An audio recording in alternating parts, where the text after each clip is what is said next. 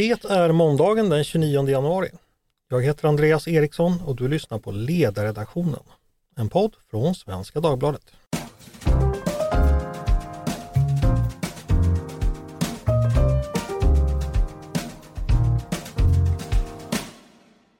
Varmt välkomna till oss och varmt välkomna till en ny vecka med oss på Ledarredaktionen. I fredags förra veckan kom ett mycket uppmärksammat beslut från den internationella domstolen i Haag. Bakgrunden är som ni säkert vet att Sydafrika har anklagat Israel för att ha gjort sig skyldig till folkmord i samband med kriget i Gaza. Det här första beslutet från domstolen det avgjorde inte den frågan utan vad domstolen har uttalat sig om det är de omedelbara åtgärder som Sydafrika har krävt att domstolen ska uppmana Israel att vidta. Och det här beslutet kom alltså i fredags. Det kan man läsa på domstolens hemsida. Det omfattar 29 sidor. Alla kan förstås läsa det, men det är kanske inte så lätt att förstå för alla. Jag begrep inte så mycket av det faktiskt om jag ska vara ärlig. Eh, beskrivningen av det här beslutet och vad det egentligen innebär, eh, det, har, det har också skilts åt en del i media. Eh, olika parter har gjort olika tolkningar. Så det här innebär att de flesta av oss har en del frågor. Exakt vad är det domstolen eh, anser om det som sker i kriget i Gaza? Är det ett folkmord? Finns det tecken på att det är ett folkmord? Vad är förresten ett folkmord? Och vilka faktorer är det som definierar det? Här finns förstås också frågor om historien. Vilka exempel på folkmord har vi sedan tidigare? Vad, är det, vad, innebär, skulle det innebära om man kan konstatera att det är ett folkmord som äger rum? Jag tror också att många är nyfikna på hur den här domstolen arbetar, hur den drar sina slutsatser. Eh, det här är alltså då ämnet för dagen och försöka bena ut det här. Eh, det är ganska många och stora frågor har jag med mig en gäst, nämligen Mark Klamberg, professor i folkrätt och ämnesföreståndare för just folkrätt vid Stockholms universitet. Varmt välkommen hit Mark! Tack så mycket! Du är ju bekant för poddlyssnarna sedan tidigare. Senast du var med pratade vi också Israel och Gaza. Det stämmer. Som du har jag massor med frågor. Jag tänkte vi skulle börja med att reda ut ganska enkla saker. Den här domstolen i Haag vi pratar om, den internationella domstolen i Haag, vad är det för någonting? Ja, det finns flera domstolar i Haag så det är ju det är ju lätt att blanda ihop. Det är lite som om tidigare som man varit på journalisterna att de inte ska blanda ihop Europadomstolen för mänskliga rättigheter och EU-domstolen. Och här är det ännu en nivå av, av svårigheter. Så Internationella domstolen ICI som vi ska prata om idag, det är en domstol som upprättades i samband med att FN grundades 1945, så den är knuten till FN. Och eh, den dömer då i tvister mellan stater, så det, eh, det är då inte åtal mot enskilda. Och det är inte heller brottmål. Eh, man, det finns ju en annan domstol i, i Haag, internationella brottmålsdomstolen ICC. Det är en brottmålsdomstol som prövar individers ansvar. Det vi nu talar om är om staters ansvar. Och processen fungerar också annorlunda på så sätt att det här liknar mer ett tvistemål och jag inser att det kan vara förvirrande för lyssnarna för jag tror många lyssnare liksom vet vad ett brottmål är. Man har en rättegång, man har en åklagare, man har en åtalad. Medan tvistemål är ju kanske lite mer obekant för lyssnarna. Det har vi också i Sverige. Eh, man har eh, Låt oss säga att man har en tvist om en vara, ett köp eller en tjänst och så kan man stämma den andra i, i, i domstol Eh, och ehm, då för båda parterna, det kan vara privatpersoner eller företag som står mot varandra för en process mot varandra och den eh, fungerar annorlunda jämfört med ett brottmål. Det är också andra termer. Jag tror det är en del eh, en delförklaring till varför den här nu aktuella domen från ICI är lite svårtillgänglig för det är ett annat, eh, annan terminologi än jag tror de flesta är vana vid. Mm. Då kan vi, det var en bra början där för att den här brott, internationella brottmålsdomstolen den är ju exempelvis bekant efter kriget på Balkan på 1990-talet så kom det ju många domar därifrån men det är alltså någonting annat. Så där, där ska, där Får jag göra en rättelse? Ja absolut. För nu, nu har vi talat om två domstolar men det finns fler än två domstolar i Haag. Du talar nu om Jugoslavien-tribunalen. Det är ja, någonting annat än internationella brottmål. Det var en tredje sak alltså, okej. Okay. Ja, det finns åtminstone fyra eller fem domstolar i Haag så det håller, man måste hålla isär dem. Ja. Så eh, man hade då en, en specialdomstol upprättad av FN för, för Jugoslavien. Det, man kallar det lite slarvigt krigsförbrytartribunalen för Jugoslavien. Den är ju numera avvecklad. Eh, det finns då en nyare domstol från 2002, internationella brottmålsdomstolen ICC och det är då två olika domstolar. Men vi talar inte om någon av de här två domstolarna idag utan vi talar om en tredje domstol, internationella domstolen ICJ. Precis. Och den har alltså att göra med FN-systemet och är alltså då upprättad efter andra världskriget. Stämmer. Bra. Eh, vad, nu, du sa att det här handlar då om mellanstatliga tvister och vi vet ju att Sydafrika och Israel är inblandade här. Vad är det de två länderna tvistar om här? Eh, det är så att um, de tvistar om hur man ska tolka och tillämpa folkmordskonventionen. Och eh, det som är speciellt med folkrätten och även den här domstolen, det är att folkrätten bygger ju på staters suveränitet. Så det innebär att domstolar, internationella domstolar, de har inte någon automatisk jurisdiktion eller behörighet att pröva tvister utan stater måste samtycka till det, gå med på att eh, det ska prövas för de här domstolarna. Så därför är det ganska svårt att få fall till ICJ som idag. Men då, då måste man ställa sig frågan hur har det skett här? Och då, då är det så att det finns en klausul, artikel 9 i folkmordskonventionen och den säger att om man har en tvist kring tillämpningen av den här konventionen så kan man vända sig till ICJ. Och den, eh, det är det som Sydafrika har gjort.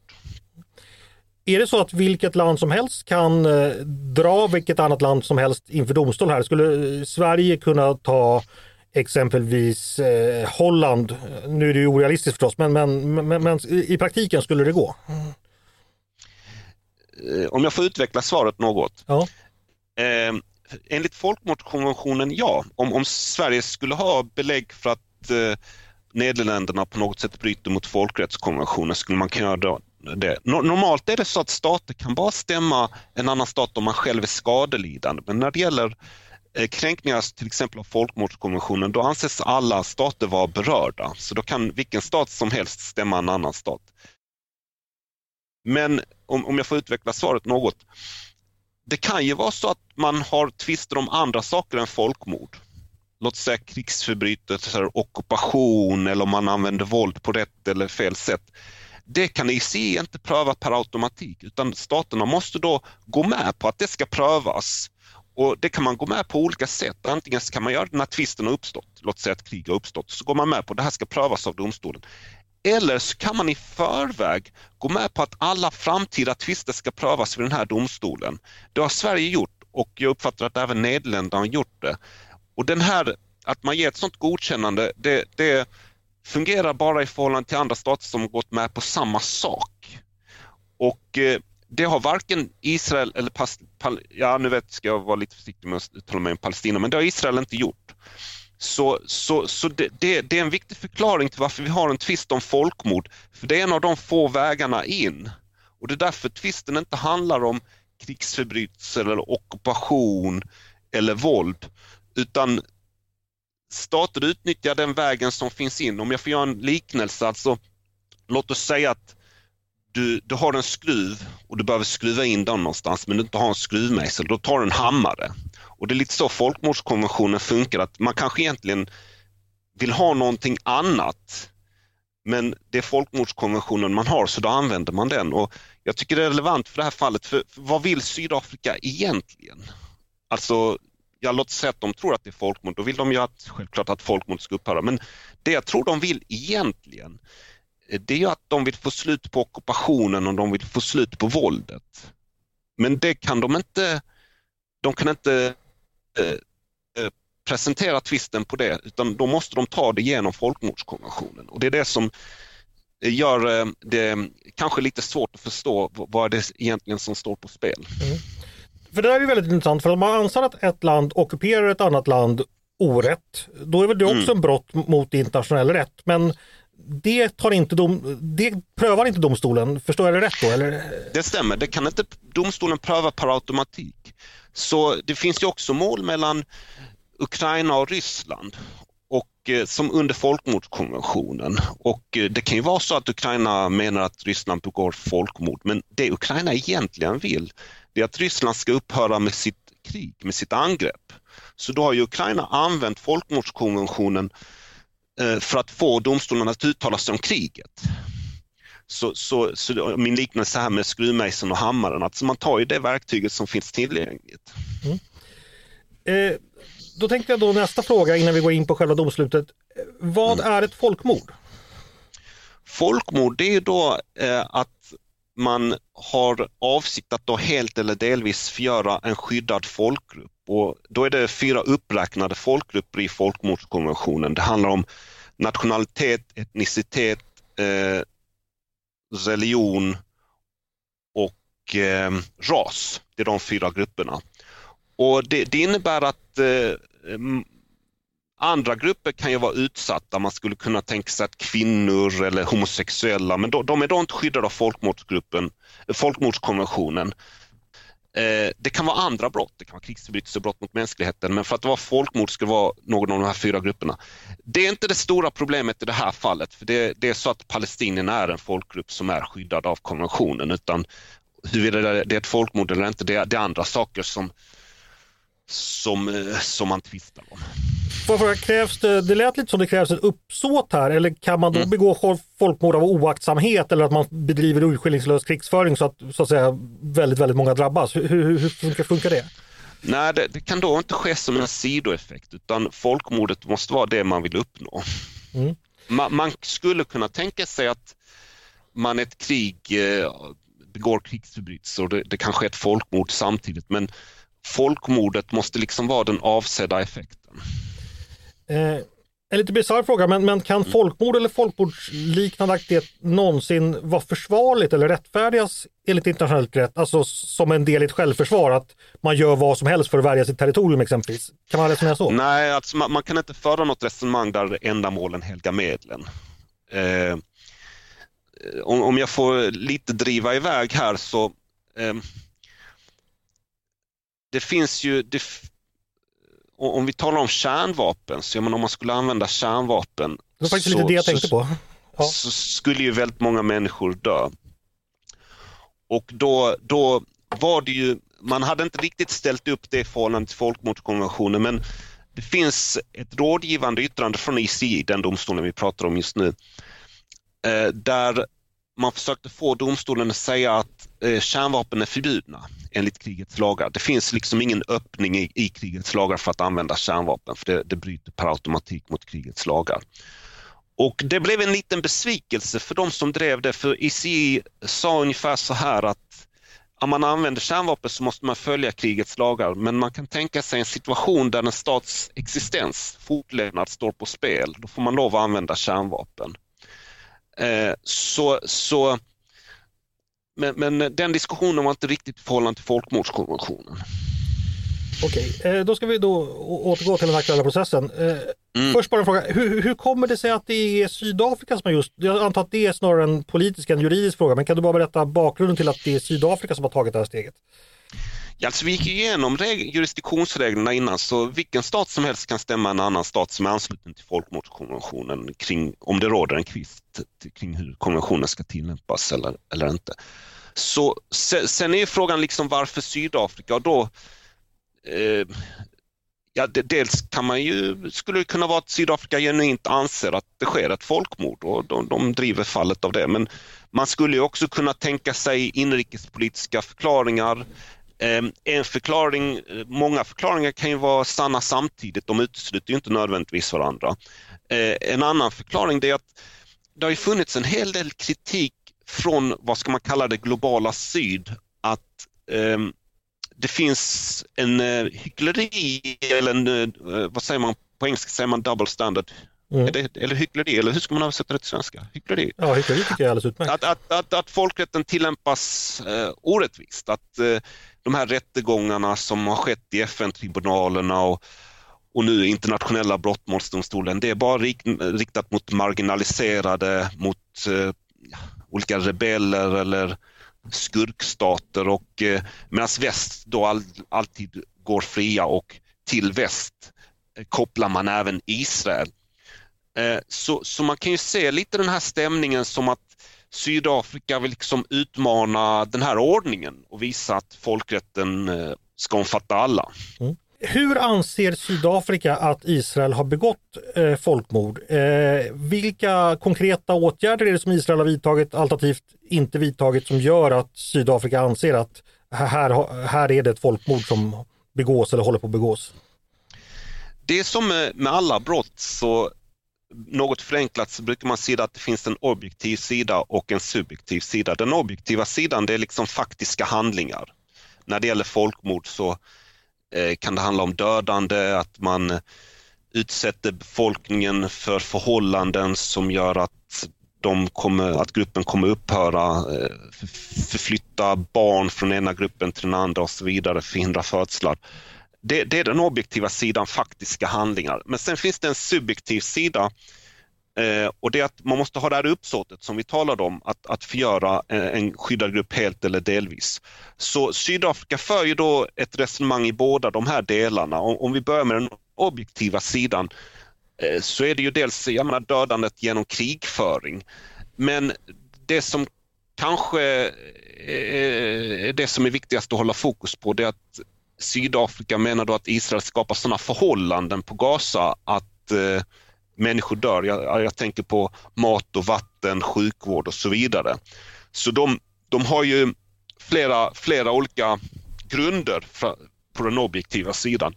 Sen på den subjektiva sidan, det är ju så att det är flera israeliska företrädare som har fällt en, en rad uttalanden som ja, jag, jag själv tycker är ganska fruktansvärda. Och då tar, tar Sydafrika det till intäkt för att Israel har ett uppsåt att helt eller delvis förgöra den, den, den palestinska gruppen.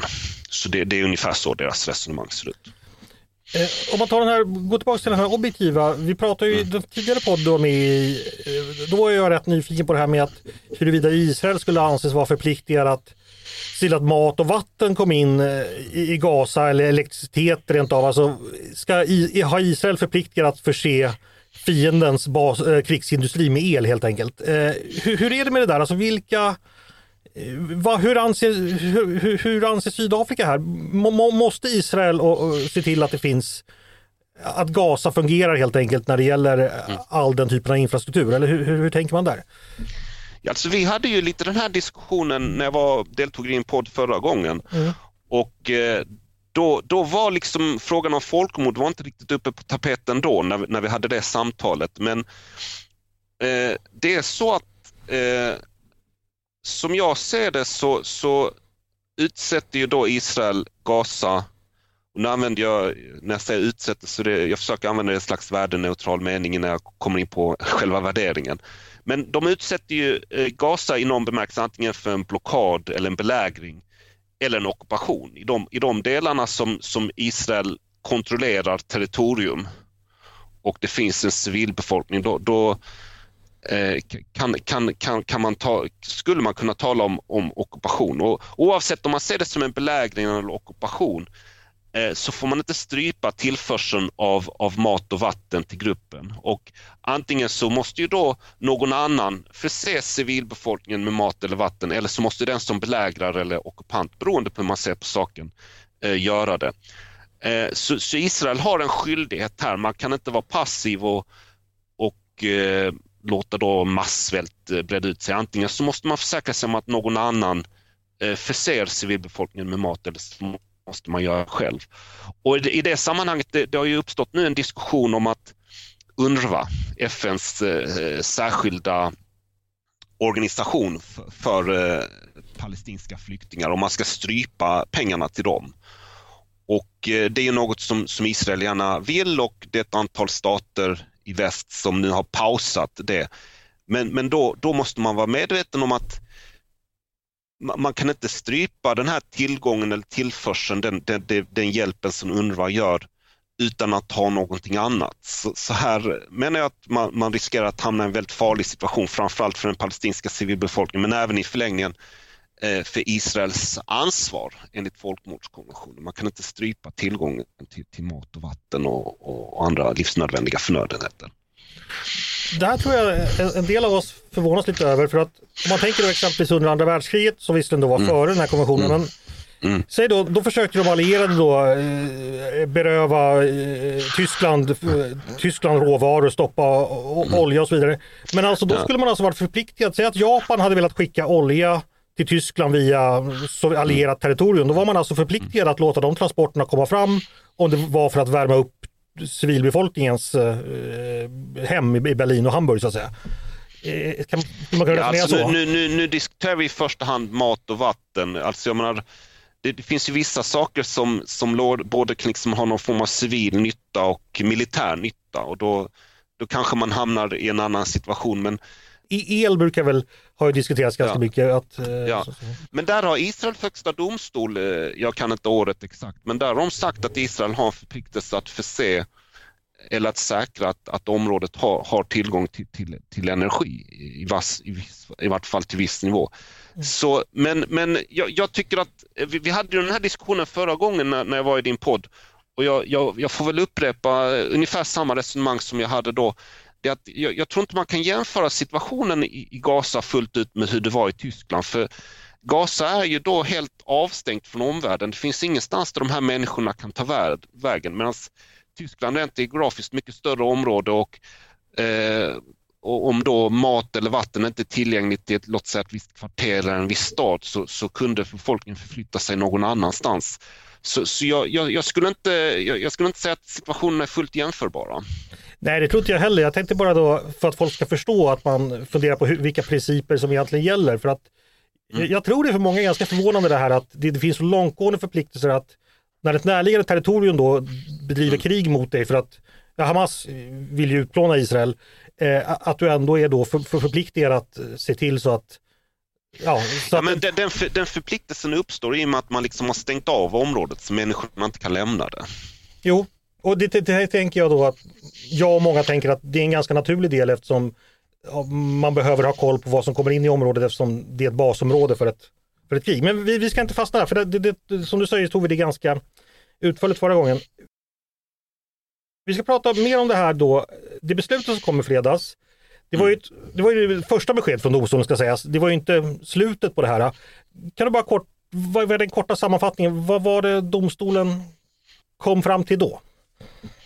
Alltså om jag först får bara beskriva processen, så man, något förenklat kan man säga att det är tre steg. Där vi är det första. Det första steget är då att man tar eh, beslut om provisoriska åtgärder. På svenska skulle man säga interimistiska åtgärder. Sen nästa steg, rent typiskt, det är då fråga om jurisdiktion. Är, är domstolen behörig överhuvudtaget att ta upp målet? Och där förväntar jag mig att Israel kommer invända att domstolen tar jurisdiktion men det kommer domstolen sen komma fram till att den har. Det är ganska rakt på. Sen kommer man till det sista steget som man på engelska kallar merits eller där man prövar eh, frågan i sak och då, då kommer man pröva om, om Israel har, har eh, följt eller brutit mot sina förpliktelser. Vi ska då komma ihåg att det här är ju då som vi har sagt ett tvistemål. Så, så den här frågan som vi har, som domstolen har framför sig, det är inte enbart om det sker ett folkmord, för den här folkmordskonventionen innehåller massa andra förpliktelser för stater inklusive Israel. Till exempel att man ska förhindra folkmord. Så, så man, det, det är inte bara frågan om Israel har begått folkmord utan det är även om man har förhindrat folkmord och förhindra uppmuntran, incitement på engelska till folkmord. Så man, man kan tänka sig att det finns personer i Israel, privatpersoner eller personer som inte representerar regeringens politik men som, som, som uppmuntrar till folkmord. Då har Israel en skyldighet enligt den här konventionen att ingripa mot dem. Så allt det här har Sydafrika fört fram och kommer då prövas av domstolen. Så, så det domstolen har sagt nu det är att de eh, säger då att det är tänkbart, på engelska plausible, att några av de här rättigheterna eller skyldigheterna som Israel har, eh, det, det, finns en risk att eh, de inte kommer vara uppfyllda. Och sen, sen är domstolen eh, inte särskilt utförlig vilka rättigheter det här är utan De bara säger att vissa av de här rättigheterna står på spel och vi måste vidta de här provisoriska åtgärderna för att säkra att de inte kränks. Så det kan vara, det, det är tänkbart att domstolen säger att, det, att Israel begår folkmord eller kommer begå folkmord. Att det finns, men det är också tänkbart att man säger att det, eh, det är tänkbart att det finns personer som uppmuntrar till folkmord och Israel inte beivrar det och det är någonting som Israel måste göra. Så här är domstolen eh, vad ska man säga, vag eller den, den eh, säger inte rakt ut. Och, och det, det, är det som delvis gör att det blir en diskussion om då vad har domstolen egentligen sagt. Mm. Precis, och då... och, det, det, och det finns inget sätt för någon utanför att liksom på ett auktoritativt sätt säga det. För, för det, det, då, då, då, börjar man vandra lite mot spekulation utan man måste då hålla sig till vad har domstolen egentligen sagt. Men där fick vi med oss det viktiga att det, enda som är, det, det, det är inte det enda frågan om, om Israel begår folkmord som är spel här utan också gör Israel tillräckligt mycket för att förhindra mm. exempelvis då den här typen av uppvigling Ja, man kan ju mm. tänka sig då att ja, enskilda grupper skulle ta saken i egna händer exempelvis. Det är också någonting ja. som är eh, relevant här. Om jag får lov att göra en jämförelse. Eh, alltså det är så att Bosnien stämde ju Jugoslavien, senare Serbien, för de brutit mot folkmordskonventionen. Det, det var en process som började på 1990-talet som avgjordes 2007. Och jag menar att den här konflikten mellan Hamas och Israel i vissa delar liknar konflikten som vi hade på, på Balkan under 1990-talet. Och då kan man studera vad som hände det målet. Eh, för då, då menade Bosnien att Serb, Jugoslavien, senare Serbien, utförde ett folkmord på flera ställen i, i Bosnien. Och eh, där prövades då både vid Jugoslavientribunalen, alltså där man ställde enskilda personer till svars, men även vid ICJ, den här domstolen som vi nu pratar om. Och båda de här domstolarna kom fram till att ja, det var ett folkmord i Srebrenica, men det var inte som Bosnien påstod, det var inte som åklagaren vid Jugoslavien-tribunalen påstod, att det var ett folkmord i hela, i hela Bosnien. Och sen så sa man också i CI att det här folkmordet som skedde i Srebrenica det utfördes av bosnienserbiska grupper, alltså en icke-statlig aktör inte av staten Jugoslavien, inte av, så Serbien var inte ansvarig för att ha genomfört folkmord. Men det de sa, det var att staten Serbien, de hade brutit mot folkmordskonventionen genom att de inte hade bestraffat de som gjorde det. Så, så det är tänkbart att man hamnar i en situation där ICI säger att staten Israel är inte skyldiga för genomfört ett folkmord, men de har brutit mot konventionen för de har liksom inte agerat mot privatpersoner som har uppviglat till folkmord. Det är en tänkbar, tänkbart liksom slut på, på den här tvisten. Fast där tänker jag att det skiljer sig. De som är anklagade, alltså som, det finns väldigt många som skulle kunna uppmuntra till det, men de som ska ha genomfört folkmordet, det är väl ändå de reguljära israeliska styrkorna, för det är ju de som är i Gaza. Det är väl inga fribrytare från Israel som har på själva Gaza-territoriet som agerar. Eller det här kanske, det vet jag ingenting om, men som jag föreställer mig är det så. Nej, men alltså jag tror det är så. De flesta tänker i största allmänhet. Man tänker på soldater och så är det frågan liksom har de skjutit människor eller avrättat människor? Men då ska man komma ihåg att folkmord kan utföras på olika sätt och det kan också vara att man skapar levnadsförhållanden som då gör att folkgruppen förgörs. Så man kan också tänka sig eh, ekonomiska medel som, eh, alltså man stryper ekonomin så att den kollapsar och, och människor svälter. Eh, så då skulle man kunna tänka sig att, eller det är så Sydafrika argumenterar, och det gör att det, det, är inte bara soldaterna som, soldaternas handlande som, som man kan kolla på, man kan också kolla på liksom eh, eh, andra instrument. Det är väl i varje fall så Sydafrika, Sydafrikas case ser ut. En fråga här rör ju tidsaspekten. Den här processen mm. drogs igång i början på året. Det här, mm. det här är ändå ganska snabbt passerat. Är det för att liksom, man har att göra med en skarp konflikt som pågår just nu? Är det därför domstolen känner att vi måste komma med något ganska snabbt? Eller hur, hur ska man förstå det?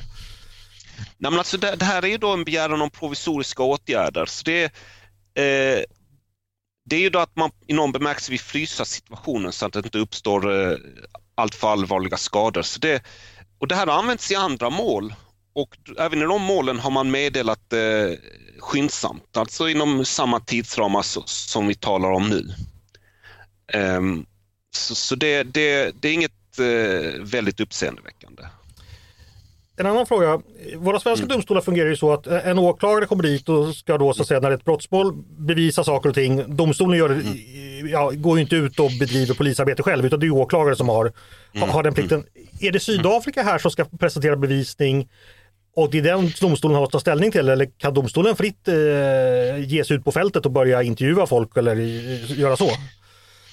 Alltså bevisbördan ligger på Sydafrika. Så i någon bemärkelse så agerar Sydafrika åklagare. Eh, och sen, eh, det, det, jag skrev ju min doktorsavhandling om bevisning i, in, i rättegångar som rör internationella brott, så nu hamnar vi lite i ett område som, där jag riskerar att snöa in.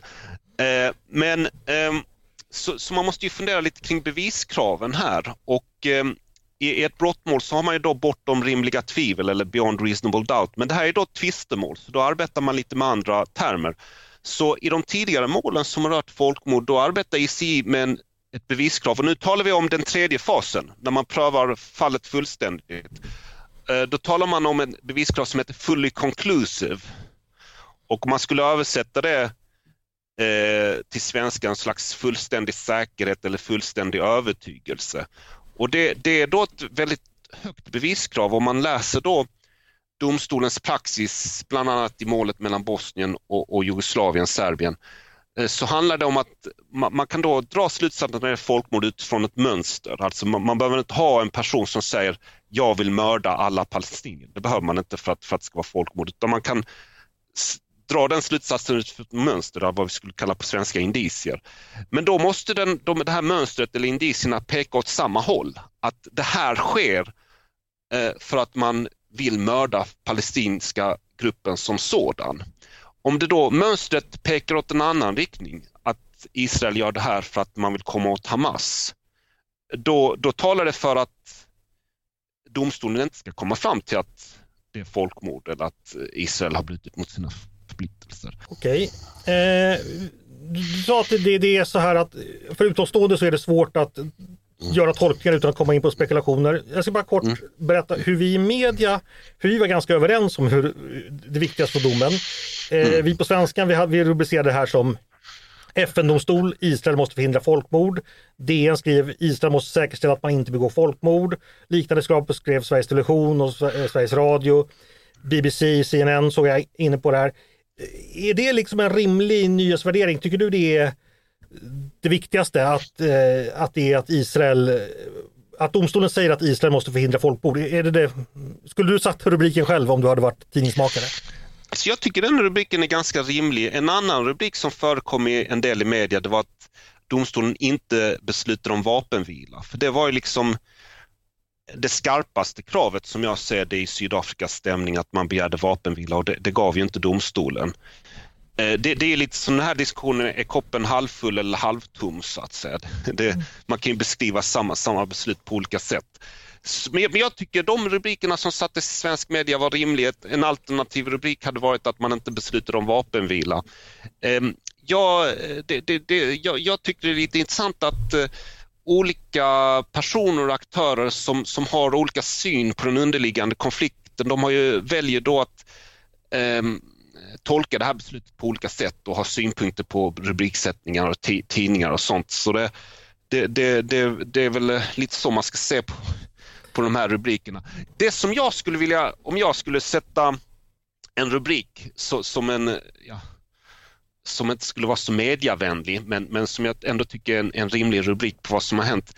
Det är att ICI har då placerat en övervakningsregim över Israel. För e-, ett av besluten som, som domstolen bestämde det var att Israel måste återkomma inom en månad och rapportera om hur de fullföljer sina skyldigheter. Så Det innebär att domstolen, och det här kan förnyas, domstolen kan då säga att ni måste återkommande rapportera till oss hur ni lever upp till sina förpliktelser. Så då har ju domstolen någon bemärkelse placerat sig som en övervakare av vad Israel sysslar med.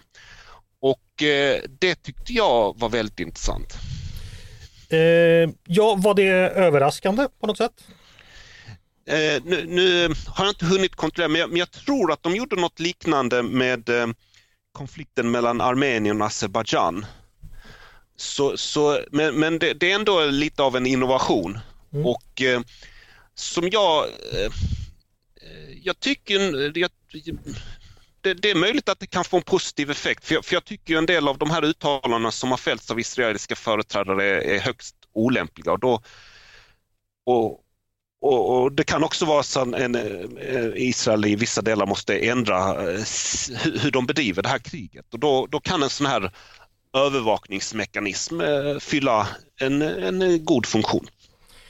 Eh, du var inne på det här med, med halvfullt och halvtomt. Eh, mm. Det faktum att eh, internationella domstolen då inte kräver ett omedelbart eh, eldupphör. Eh, mm. Jag har sett den tolkningen att det innebär att äh, det är kanske ändå inget folkmord som pågår eller hade det varit det så hade man väl utkrävt det. Så att vidare. Går det att göra mm. sådana tolkningar eller skulle du säga att det är, det är fel? Alltså jag tycker man ska utgå från vad domstolen säger och domstolen säger, dels lyssnade jag på ordförande för domstolen men läste upp domen och jag har också läst domen. Och domstolen säger att vi, vi uttalar oss inte på något sätt över sakfrågan om folkmord sker eller inte, utan det kommer senare. Utan det vi uttalar oss om nu är de här provisoriska åtgärderna. Så därför tycker jag varken man kan säga bu eller bä den här frågan om domstolen har sagt om det sker ett folkmord eller inte, utan de har sagt att det finns en risk för att eh, vissa av de rättigheterna som skyddas av folkmordskonventionen kan stå på spel. Eh, men eh, de har inte uttalat sig om folkmord sker eller inte och så får man nöja sig med det helt enkelt. Jag nöjer mig inte riktigt än. Beatrice Fien, tidigare generalsekreterare för International Campaign to Abolish mm. Nuclear Weapon, hon mm. diskuterade det här på, på X eller Twitter och då skrev hon så här, jag citerar henne. ICJ, ICJ säger att det finns en trovärdig risk att Israel bryter mot folkmordskonventionen i Gaza just nu. Mm. Slutstat. Är det vad ICJ säger? Det uttalandet, jag skulle kunna säga att det är korrekt om man byter ut ett ord. Vilket då? Och eh, det är ordet trovärdig. För trovärdig då, i det så ligger, alltså om man, om man tänker sig en skala från 0 till 100 med olika beviskrav Eh, så, så är ett brottmål beyond reasonable doubt ligger ju väldigt nära 100 så att säga. Och sen så har man något i mitten som man på engelska säger man balance of, balance of probabilities 50-50 och sen så har man beviskrav som ligger längre ner. Och om man använder trovärdig så, så ligger man ganska högt upp, alltså någonstans under balance of probabilities. Och jag skulle se det som att man ligger lite längre ner, så jag skulle istället använda ord som tänkbar eller möjlig eller om man ska använda juristsvenska anledning att anta. Anledning att anta det är det kravet som krävs för att man ska inleda en, en brottsutredning, en förundersökning i Sverige, ett ganska lågt krav. Så det, det är ungefär där jag ser att man är. Så om man skulle byta ut det här ordet trovärdig mot möjlig eller tänkbar så, så tycker jag det uttalandet funkar. Jag arbetar ju en smula med språket själv, eller vardagsspråket i, i mitt jobb och jag tänker mm. att betydelsen av trovärdig risk eller bara risk eller möjlig risk är ganska stor. Alltså som mm. jag uppfattar det. Men ja. det kanske inte är så för er jurister, jag vet inte men eh, jag, jag, jag, jag, skulle föreslå att man målar upp, att eh, nu lyssnarna målar upp en, en bild i sitt huvud där man, man tänker sig en skala från, från på den ena sidan så är, var ju Sydafrika argumenterar och på den andra sidan Israel. Och då, då eh, försöker Sydafrika förflytta då en slags visare vad bevisningen är mot Israels riktning från sig själv ökade mot, 100 så att säga. Och då säger domstolen att ni har visat plausible och då, då är man en liten bit på vägen. Men det är tänkbart att Israel också har fört fram bevisning och argument och de kan också vara plausible. Alltså i det, i det här stadiet kan man tänka sig att båda parterna för fram något som är möjligt eller tänkbart. Eh, och det, det, är fullt möjligt att Israels, det de har fört fram är starkare, högre än det Sydafrika har, har gjort. Det är tänkbart. Men det uttalar sig domstolen inte om. Så, så, så det, det enda man kan konstatera är att det finns eh, vissa skäl att anta att de här rättigheterna står på spel. Men, men mer än så har, har domstolen inte sagt. Men man har sagt plausible, och eh, nu kanske jag tröttar ut och hänga fast vid det, men, men om vi översätter det till eh, procentrisk, säger man 50 procent eller säger man inom, inom spannet 25 till 75 procent eller säger man inom mm. spannet 5 till 95 procent? Hur ja. ska vi bäst ja. förstå det här? Var är, Ja, alltså nu är ju liksom ett bärande argument i min doktorsavhandling att man inte ska arbeta med procentsatser men, men jag, jag, jag får ändå liksom ge mig här när du frågar så att säga. Eh, så, så det är under 50 procent. Det är inte 0 procent. Eh, och eh, så jag, jag skulle säga 15-20 procent. Eh, fantastiskt, det, det är sällan man får, hör hör folk vad som Men, men, men det är en reservation. Jag har skrivit en hel avhandling varför man inte ska hålla på med procentsatser. Men, men jag, jag, jag vill ändå tillmötesgå din, din fråga. Jag är tacksam för det. Och vi, vi passar faktiskt på då att tipsa lyssnarna om din, din avhandling. Ja. Vi ska gå vidare bara här. Eh, vad blir nästa steg i denna process? Vad, vad, vad hur fortsätter domstolen det här? Eh, jo, eh, alltså det, det som kommer hända nu det är att man kommer gå vidare till frågan har domstolen en jurisdiktion?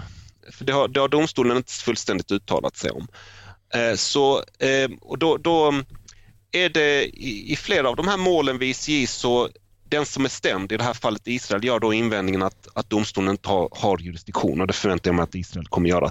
Så då, då kommer vi få en dom, vi kommer få en dom från ICI där de uttalar sig om jurisdiktion, där jag tror ICI kommer säga ja, vi har jurisdiktion, vi kan gå vidare i det här målet. Och det, den domen kan man förvänta sig, ja, låt säga inom två till tre år. Mm.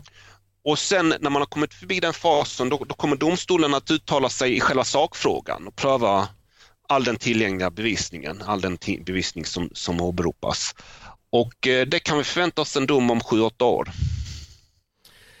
Eh, du har redan varit inne på det lite, men det här med folkmord, det är ju bara ett av brotten som kan begås i samband med krig. Det finns mm. ju alltså brott mot, mot mänskligheten, det finns eh, mm. vanliga krigsförbrytelser och så vidare. Sånt. Eh, eh, finns sådana in, anklagelser inblandade här, eller är de de där skruvarna som man inte kan få in här riktigt? Är, är det därför de kommer utanför, eller, pågår andra mm. processer där, eller vad händer där? Nej, alltså, man, man kommer inte kunna hamna i en situation där domarna i ICJ i, i liksom de operativa delarna, alltså i, på, i domen, dömer av de här frågorna om det är krigsförbrytelser eller brott mot mänskligheten, för det är man inte behörig att göra. Eh, och eh, så, så, där får man snegla på den andra domstolen i Haag, internationella brottmålsdomstolen ICC. ICC. Där har åklagaren inlett en formell brottsutredning. Han har än så länge inte uttalat sig om Eh, vi, vi, känner inte till om det finns några arresteringsorders. Det kan finnas arresteringsorder, de kan hållas hemliga så det är tänkbart att sådana finns. Eh, och eh, det, det, man har hört från, från åklagaren är att han utreder ju både då Hamas brott och Israels brott och den domstolen har ju då jurisdiktion, behörighet att hantera krigsförbrytelser, brott mot mänskligheten och folkmord. Så det, det är i varje fall teoretiskt tänkbart att alla de här brotten kan prövas mm. vid ICC. Är det någon som hävdar, eller pågår det någon process mot att Hamas skulle begå eh, folkmord eller syfta till att begå folkmord? Eller har det uppsåtet? Det är så att Hamas är ju då ingen stat, så, så man kan inte stämma Hamas vid ICI, medan vid ICC, den andra domstolen, så är det tänkbart att, eh, eller i varje fall teoretiskt tänkbart att, att man kan föra ett mål om det. Ehm, det vet vi inte. Jag har ju läst och lyssnat på, på chefsåklagaren för ICC. Han, han, när han talar om den här konflikten så har han gjort det i termer av krigsförbrytelser och brott mot mänskligheten. Han har inte gjort det i termer av folkmord, eh, varken mot den ena eller den andra sidan. Okej, eh, då ska vi ta oss ihop det här. Det har varit väldigt mycket lärorikt. Är det någonting du, du vill tillägga här som du tycker att eh, vi inte har kommit upp eller som mina frågor har missat som du tycker är viktigt att eh, lyssnarna har med sig? Nej men alltså jag Alltså det här kriget är en stor tragedi men eh, det, det som, som vi tycker är lite spännande, vi som, som arbetar med det här, det är att det blir så mycket uppmärksamhet kring ICJ. Det har ju varit en ganska bortglömd eh, domstol. Alltså, jag menar, vi, det är ju något som vi har i vår undervisning och som vi skriver om, eh, vi som arbetar professionellt med det, men det är ingenting som har, tror jag, varit i det allmänna medvetandet. Och, eh, det har ju varit väldigt stora förhoppningar kring ICC, eh, att den skulle agera, men det som har hänt i någon bemärkelse är att ICC, eh, många är kritiska att den är passiv. Att nu, nu är det, det, det viktiga, det intressanta, det händer vid ICI. Så det, frågan är ju lite, är det här större av ett del, större skifte där liksom ICI kommer vara den viktigaste institutionen. Det är ju, vi, vi, som sysslar med folkrätt har ju, många av oss har ju tyckt det redan tidigare, men även i det allmänna medvetandet så att säga. Mm. Men vad vi också tar med oss, det är en lång process det här. Eh, du sa att nästa beslut då om man eh, överhuvudtaget anser att, vad var det hette? Jurisdiktion. Ja precis. Det då kan dröja flera år helt enkelt. Så att... Ja, det, det, det, är svårt att göra några exakta prognoser men mm. två, tre år kan man mm. tänka sig. Kommer vi höra någonting mer från domstolen under i närtid? Kommer fattas andra ja, alltså beslut? Det, det, det, är ju den här övervakningsmekanismen som domstolen har sagt upp. Så därför det är tänkbart att, att domstolen tar nya provisoriska beslut om man på något sätt anser att de besluten man, man tagit nu inte är tillräckliga. Det är i varje fall tänkbart. Och det innebär att Israel helt enkelt ska lämna in, alltså rapportera vad man har vidtagit för åtgärder till domstolen? Ja, man, man kan ju tänka sig en situation, låt säga att situationen för, för den palestinska civilbefolkningen allvarligt förvärras så är det tänkbart att, att domstolen fattar nya beslut, eh, skarpare beslut mot, mot Israel. Mm. Stort tack för det Mark Klamberg, professor i folkrätt. Eh, jag blev som vanligt klokare av att prata med dig. Det tror jag de flesta som lyssnade gjorde också. Tack så mycket! Tack så mycket! Och stort tack till er som har lyssnat också på min och Marks diskussion. Och det ni har lyssnat på det är Ledarredaktionen, en podd från Svenska Dagbladet. Som vanligt är ni varmt välkomna att höra av er till redaktionen med tankar och synpunkter på det vi har diskuterat idag. Det väcker säkert en del frågor och funderingar. Men också om ni har idéer och förslag på det vi ska ta upp i framtiden. Då är det bara att mejla till ledarsidan snabela svd.se. Dagens producent, han heter Jesper Sandström. Själv heter jag Andreas Eriksson och jag hoppas att vi hörs snart igen.